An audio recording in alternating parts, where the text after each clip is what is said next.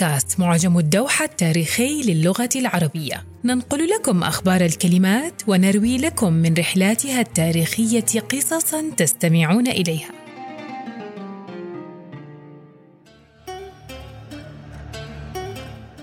لعلك تعرف كلمة جهبذ وتعرف معناها جيدا أيضا.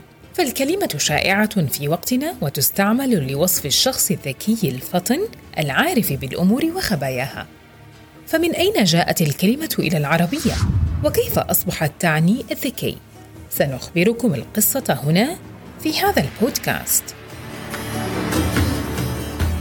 جهبذ أو جهبذ بفتح الباء والجيم أو كسرهما، وهي كلمة فارسية الأصل مركبة من جه بمعنى بوتقة الصيرفة وهو وعاء يستعمله الصائغ لصهر المعادن النفيسة كالذهب والفضة ومن اللاحقة باد والتي تعني صاحب أو ذو.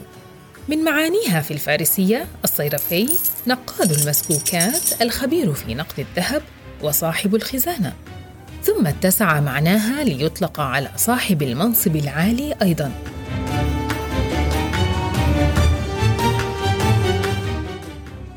دخلت كلمة جهبذ إلى العربية من الفارسية ويسجل معجم الدوحة التاريخي للغة العربية أول استعمال لها في سنة إحدى عشرة بمعنى الصيرفي الخبير بتمييز النقد من رديئه.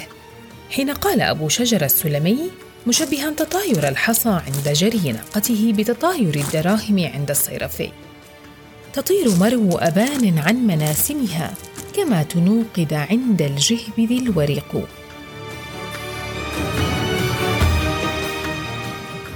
ومن الخبير في الصيرفة وتمييز النقد والذهب ونحوه إلى الخبير في سائر الأمور أي الذكي الفطن.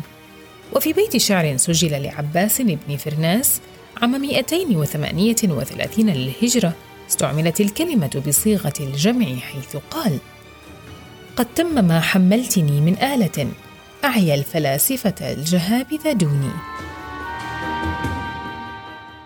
اشتق من الكلمة في العربية أوزان لأسماء وأفعال وجموع.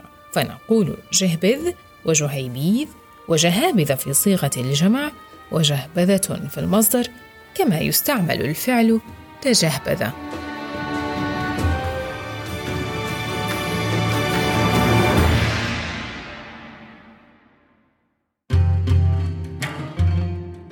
كنا معكم في بودكاست معجم الدوحة التاريخي للغة العربية. لمزيد من المعلومات وللبحث في معاني الكلمات وتطوراتها التاريخية.